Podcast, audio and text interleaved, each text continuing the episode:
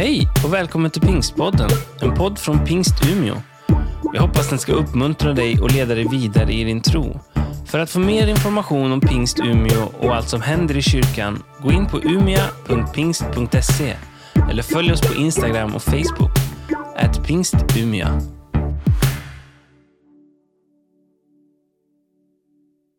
Så härligt att fira gudstjänst tillsammans. Eh, och jag ska alldeles strax få hjälp av Samuel och Stefan här. Är så tjusiga idag alltså. Eh, ska vi se, kan du hjälpa mig där och få bort sladden där så den fastnar? Det är liksom A- Afrika. Ja. Vad va härligt. Ni ska läsa två stycken bibelord, eh, ett var, som är dagens predikotext. Vi har ju en... Eh, kan ni, ni stå kvar bara? Är det okej? Jag tror jag ställer mig på den här sidan så att jag inte står i vägen för er. Eh, vi har ju en, en dröm som församling. Att, eh, ja, men vi drömmer om en ny kyrka, en ny mötesplats. Och, och vi, vi drömmer om ett, ja, men ett kraftfullt evangeliskt center med Jesus. Alltså en mötesplats med Jesus i centrum. Vi har, eh, för att få, ja men sakta men säkert har det vuxit fram fem stycken ledord som vi tänker ska prägla den här mötesplatsen. Och det är några självklara ledord. Ni kommer att tänka när, vi, när jag säger dem nu att ja, men det där är ju, så där är det ju att vara kyrka. Eh, vi tänker att det ska vara en, en mötesplats för tro. Där tron får frodas och leva. Och då tänker vi tron på Gud och på Guds godhet och den Gud som Jesus Kristus berättar om. Men också tron på varandra och tilliten att vi vågar komma varandra nära och dela förtroenden. Och också självförtroendet. Vi tänker att det ska vara en plats för livslångt lärande. För, för, eh, ja, men för bildning. Och så tänker vi att det ska vara en plats för gemenskap. Och så de två sista. En plats där diakonin, det sociala engagemanget får liksom rum och utflöde. Och slutligen en hälsosam mötesplats. Där dit man kan komma trasig, eh, sårad, men gå därifrån med redskap att hantera svårigheterna. Kanske med en medicin som läker såren. Både de fysiska men framförallt de inre och existentiella. Det där drömmer vi om. En kraftfull evangelisk mötesplats med Jesus i centrum. Och idag så ska vi tala om två stycken av de här ledorden. Tro och gemenskap. Och nu ska vi få lyssna till dagens bibelord. Vem är det som börjar? Är det, är det Samuel som börjar? Och du läser ifrån Hebreerbrevet kapitel 11, vers 1.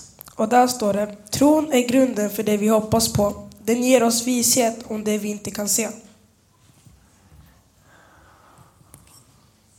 Eh, Jag ska läsa från Johannes första brevet 1.7. Och det står Men om vi lever i Guds ljus på samma sätt som, som Jesus ständigt är Guds ljus, då har vi gemenskap med varandra och får förståelse för våra synder genom att Jesus, Guds son, offrar sitt liv och sitt blod för oss. Tack! Varsågod och sitt. Jätteskönt att få... Tron är grunden för det vi hoppas på. Den ger oss, jag tyckte det var så härligt, du läste vishet. Eh, och visshet, de hör ju ihop där va? Visshet om ting som vi inte kan se. Och om vi vandrar i ljuset, i en slags livs, alltså en uppriktighet inför varandra och inför Gud, då har vi gemenskap med varandra. Och blodet från Jesus renar oss från all synd. Tro och gemenskap. Tron är ju en oerhörd tillgång i livet. Ska se om jag får hjälp med lite rubriker. En enastående tillgång. Eh, jag skulle inte kunna leva utan tro. Ingen människa kan egentligen leva utan tro. Vi använder tron varje dag. Eh, inte bara tron på Gud utan tron på varandra och tron på oss själva. Tron är helt avgörande för den mänskliga existensen. Jesus han säger att om man har tro bara som ett litet senapskorn så kan man när man tittar på bergen i tillvaron faktiskt adressera bergen, utmana bergen och besegra bergen. Han säger Jesus att om du tror, och då talar han till en kvinna, en sörjande, eh, eh, väldigt orolig kvinna som heter Marta. Hennes syster heter Maria och deras bror Lazarus har avlidit. Och de ropar ju efter Jesus och ber om hans hjälp, ber egentligen att Jesus ska komma innan döden har inträffat. Och så kommer Jesus till synes för sent. Och Marta hon uttrycker sin, eh, sin, på ett sätt sin förtvivlan och då säger Jesus till henne, men du, om du tror, om du litar på mig, då ska du få se Guds härlighet. Och Jesus han, han säger i förväg att, att tron kommer att ge dig en inblick. Du kommer att få se saker som du inte ser om du inte vågar tro. Men vågar du tro, vågar du anförtro dig till mig, då kommer du få se underbara saker. Och då säger ju Marta, vad, vad ska jag göra då? Ja, men rulla undan, ta mig till platsen för dina tvivel. Ta mig till platsen för din ångest. Ta mig till ditt mörker. Och så följer Jesus med till graven och så frågar han, kan inte ni rulla undan stenen? Och så rullas, rullar de undan stenen. De blottlägger det som är orsaken till ångesten. Och när Marta och Maria och familjen där ger Jesus tillträde till det svåra, då händer miraklet. Jesus han tittar inte bara in i mörkret utan han talar rakt in i mörkret. Och så ropar han på det som inte har liv med ord som ger det som är dött nytt liv. Och i berättelsen så reser sig Lazarus upp och han kommer ut. Det, det, det är ju en fantastisk berättelse som har så många, många skikt av andlig vägledning som jag inte kan vara utan. Sa jag inte att om du trodde, om du litade på mig ska du få se Guds härlighet. Alltså tron öppnar dörren till Guds värld. Paulus han, han säger att när han talar om tron så säger han att det är av nåd. Alltså det är inte eh, vår prestation som, som är förutsättningarna för människans frälsning. Det är nåd alltihop. Det är Gud som gör det. Men tron öppnar dörren för Guds möjligheter att verka. Av nåd, genom tron är ni frälsta. Här i Hebreerbrevet så, så ser vi att tron är grunden för det vi hoppas på. Tron ger ett hopp. Så länge människan tror så hoppas hon. Och Det där är ju så intressant att, att, att se när, när, vi, eh, när vi börjar misströsta, när vi tappar självförtroendet. Då tappar vi modet, då vågar vi inte längre. Och när vi tappar förtroendet för vår omgivning, ja men då begränsas livet. Och, och händer det där svåra som inträffar i varje troendes människas liv. Du vet när man kommer i den där skeptiska situationen att man börjar undra, men Gud då? Var, var är du i den här situationen? Alltså det försnävar. Men tron som beskrivs i Bibeln som en gåva, när den finns där, då ger tron hopp. Tron är grunden för det vi hoppas på. Den ger oss visshet, en inre övertygelse om ting som vi inte kan se. Läser vi den tredje versen i samma kapitel så står det att genom tron förstår vi. Eh, det står inte i motsatsförhållande till ett vetenskapligt tänkande. Eh, utan där finns ett, ett positivt samband mellan ett vetenskapligt tänkande där man ju behöver pröva det man tror för att säga att man vet. Men tron i sig, och särskilt tron på Gud, ger människan en kunskap som hon inte kan få på något annat sätt. Tron ger kraft och mening. Ett av exemplen som tas i, i, i Hebreerbrevet 11 om trons betydelse eh, det är ju berättelsen om Abraham. Och ska man läsa berättelsen om Abraham då får man göra som jag gjorde häromdagen. Jag brukar läsa Bibeln varje dag. Jag tycker om Bibeln och berättelserna. Och jag, jag vandrar in i dem och låter berättelserna bara skölja igenom mitt liv. Det är som en daglig rening av mitt inre liv. Men det är också en intellektuell utmaning för det finns ju berättelser i Bibeln som inte alltid är så lätta att, att hantera. Och de finns också i berättelsen om Abraham. Jag började om i, i Bibeln och då började jag i första Mosebok och så brukar jag läsa Bibeln i kronologisk ordning. Och då läser man ju, då hoppar man lite mellan böckerna för att få ihop det. Eh, det finns en plan för det där. Du kan få ett tips om det efteråt. Och sen läser jag alltid någonting ur Nya Testamentet och så läser jag något, någon, ja, men någon psalm, någon av de poetiska böckerna. Lite varje dag, inte så mycket. Läser man 20 minuter om dagen så kommer man igenom Bibeln på ett år. Det är lite grann sådär, ungefär som ett gymnastikpass, ett andligt pass. Liksom.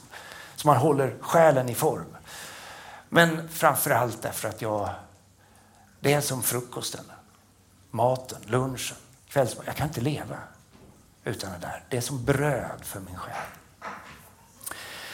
I första Mosebok, det tolfte kapitlet, så introduceras Abraham och han är omkring 75 år gammal då får han tre löften av Gud.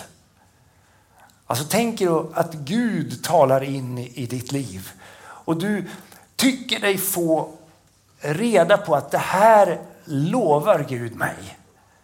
Gud lovar Abraham ett, ett nytt land. Du ska få, det, det väntar en plats som du när du kommer dit kommer att kunna säga, det här är mitt land. Här hör jag hemma. En plats där du kan få bruka jorden, leva, växa, blomma. Där du hör hemma. Och sen lovar Gud Abraham, som då är gift med Sara, att du ska få många barn. Han till och med lite senare ger Abraham just namnet Abraham som betyder fader till många barn. Och han får det namnet långt innan löftet har infriats. Och sen får han ett tredje löfte. Och det är ju en, ett, på ett sätt nästan lika stor tanke att du Abraham, du som person, din familj, din släkt ska bli till välsignelse för alla folk på jorden. Alltså ditt liv kommer att få en mening. Du kommer inte bara leva för din egen skull, inte bara för din egen familj, utan för alla släkten på hela den här jorden. Och de som välsignar dig, de kommer att bli välsignade. Alltså det är ett fantastiskt, fantastiska löften som Abraham får. Och jag vet inte hur, alltså det är svårt att läsa ut i berättelsen exakt hur Abraham tänkte, men det där blir ju liksom en, en, en slags brottningskamp i hans liv. Ska jag våga lita på löftet? Eller ska jag börja hitta och söka egna lösningar för att röra mig åt det där hållet? Abraham han, börjar, han bryter upp Och det dröjer inte så länge förrän de kommer till, till landet. Och, och de kommer in i landet. Men de får ju inga barn.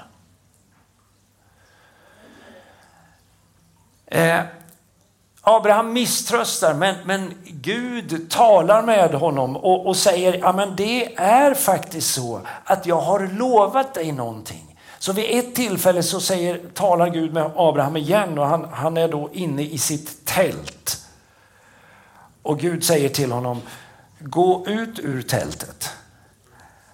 Alltså han, ni vet, jag vet, tälta är väl är det några som har gjort eller på att säga nu för tiden. Men man är liksom i, man är i ett begränsat rum i sitt tält. Nu får du tänka metaforiskt. Du är i ditt begränsade rum.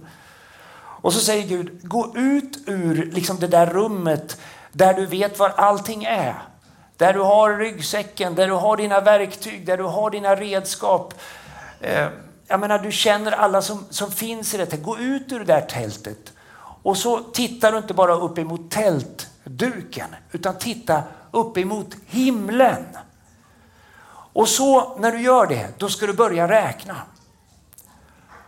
Och, och när, du har, när du räknar stjärnorna så, så, så, så, ska du veta att lika många stjärnor som du räknar, lika ba, många barn ska du få.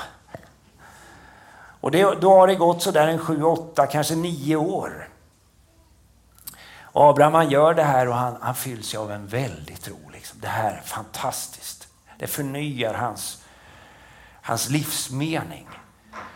Men Sara, hon blir inte gravid. Så till slut så säger ju Sara, du, det är jag får inga barn, du får, du får gå till en annan kvinna. Och ja, man kan ju fundera på det resonemanget liksom när man kommer dit här. Att man som livskamrat kan tänka sig säga till sin egen man, du kan gå till någon annan. I vår kultur uppfattas ju det som främmande om vi tänker att det inkluderar ett samlag. Men i vår kultur är ju det inte längre främmande.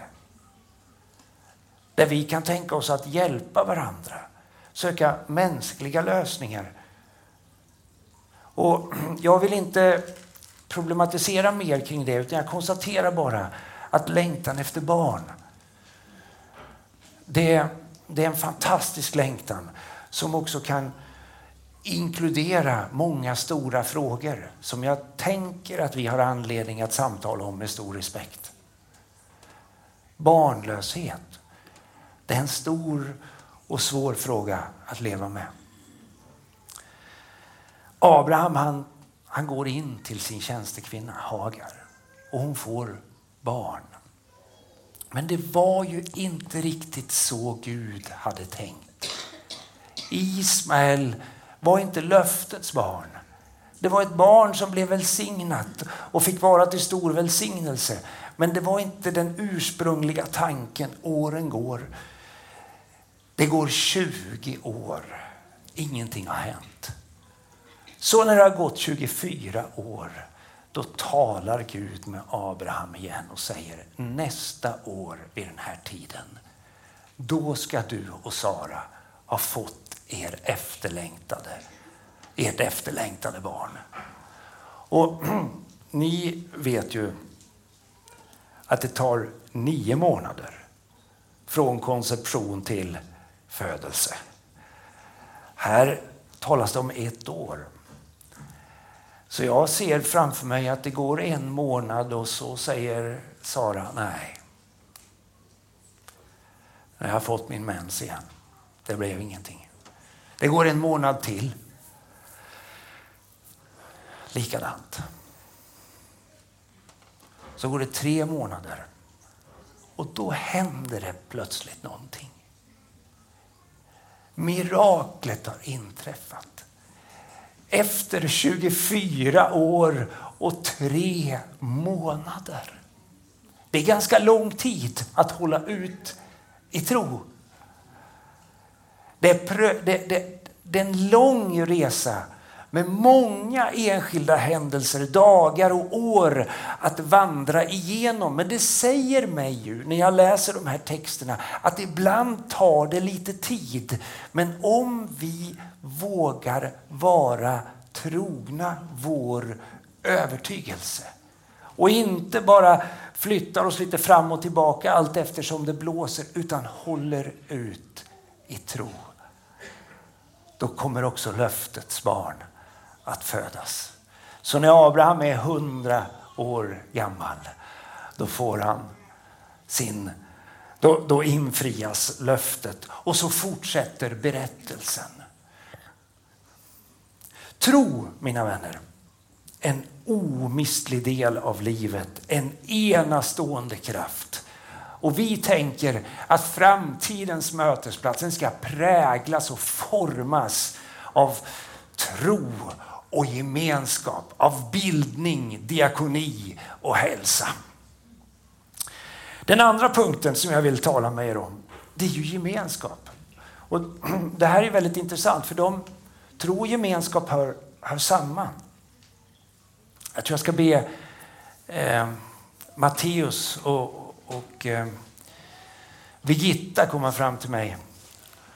Eh, ja, men ni vet, tro, det är så lätt att tänka att det handlar i vår kultur om att hålla något för sant. Men, men tro handlar mycket mer om förtroende och tillit än försanthållning. I Bibelns värld är, är det tron som skapar gemenskap. Alltså när vi litar på varandra, då vågar vi berätta saker för varandra. Och om vi berättar om våra liv för varandra, då kommer vi varandra nära. Nu är det ju lite olika i vilken grad vi litar på varandra. Jag tänkte jag, jag måste fråga en som jag vet är riktigt stark innan jag eh, eh, våg, vågar det. Och sen, sen tar jag en som jag vet eh, är stark, eh, eh är envis. Och ni kan ju undra vem, vem, vem som är vem här. Men de är båda väldigt starka. Eh, och det hör ju till sakens natur att om man ska våga tro, alltså om man ska våga lita på någon måste man veta att den man tror på verkligen kan ta emot det jag berättar. Det som är mitt liv. Det som är min tyngd. Och om man, och det, det där gör man ju inte på en gång. Det är därför tron växer fram. Eh, så är det ju också i relation till Gud. Det börjar med att man anförtror något litet och så märker man att ja, men Gud är trofast. Han sviker inte.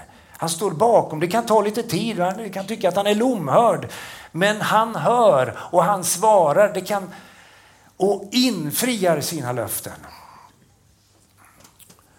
Och allt eftersom man vågar lita på varandra, ju djupare blir gemenskapen.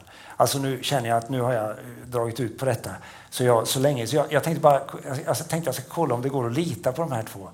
Och nu... Ja, det här gör man ju på ungdomssamlingar. Liksom så här. Är, är ni, vågar jag lita på er? Alltså, det, är en då, det, det, är väldigt dåligt det här. Alltså. Jag håller med om det.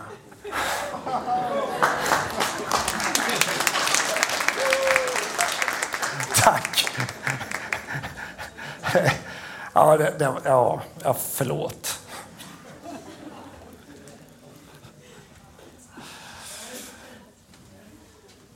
Den 15 augusti i år så var det 40 år sedan Louise och jag växlade ringar.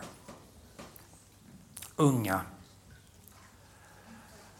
Med hela livet framför oss, tänkte vi. Så vet jag att vi satte oss i den där blåa folkvagnen och så åkte vi ut på en, ja, men en liten väg som ligger alldeles vid Holms kyrka. Där numera min svärfar ligger begravd. Vi satt i bilen, jag vet inte hur romantiskt det är liksom. I en skala. Jag vet att jag tog upp det där, den där asken och så gav jag Louise hennes ring och jag fick en av henne. De låg i samma ask om jag inte missminner mig. Jag satte på ringen på henne och hon satte på den här ringen på, på min hand. Hennes ring den, den är utsliten. Jag tog asken och så kastade jag ut den genom fönstret och sa den här behöver vi aldrig mer igen. Eh, vad visste vi om varandra då? Alltså nu har vi levt ett längre tid tillsammans än vi, har levt, eh, än vi hade levt innan. Den mesta delen av vårt liv den hade vi framför oss. Under den här resan så har vi anförtrott våra liv till varandra. Det vi svarade ja på när vi gifte oss några år senare, det har vi fått praktisera. Och nu är det ett sätt att illustrera vad tro och tillit kan göra. Man kommer varandra nära. Men det där, är, det där har man inte bara i en kärleksrelation, det har man i vänskapsrelationer. Det är något vi har som bröder och systrar i en kyrka. När vi börjar anförtro oss till varandra och märker att det går att lita på den jag talar med. Det är klart det för människan nära den andra. När Johannes talar om det här i sitt första brev, när han ska tala om den kristna gemenskapen, så för att förklara vad det handlar om så säger han att det är en gemenskap med Gud. Det är liksom som att bli indragen i den trinitariska gemenskapen. Alltså Fadern, Sonen och Anden. Deras gemenskap, deras förtroende och kärlek till varandra är ju fullkomligt. Och att bli en kristen det är att bli indragen i den sfären. Där man lyfter fram varandra, bär varandra och välsignar varandra och står vid varandras sida och faktiskt känner varandra på djupet. Men, säger Johannes, om vi vandrar i det där ljuset, ljuset ifrån Gud, då har vi, alltså det är basen för den kristna gemenskapen, den uppriktiga gemenskapen. Då har vi gemenskap med varandra. Ljuset liksom visar vilka vi är. Ska det där funka, då kommer vi också att se varandras brister. Då kommer vi att se när, när livet krackelerar, när, när, när människan pressas, då, då är vi inte alltid vårt bästa jag.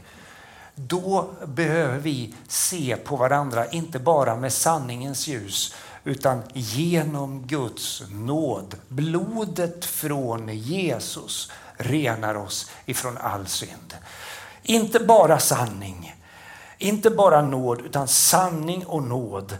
Alltså ljus och blod, för att använda de bibliska mustiga metaforerna för att förklara vad den kristna gemenskapen baseras på. Det där skapar förutsättningar för en gemenskap som kan lysa i den här världen till människors frälsning, välsignelse och hjälp. Låt mig avsluta så här. Tre medskick.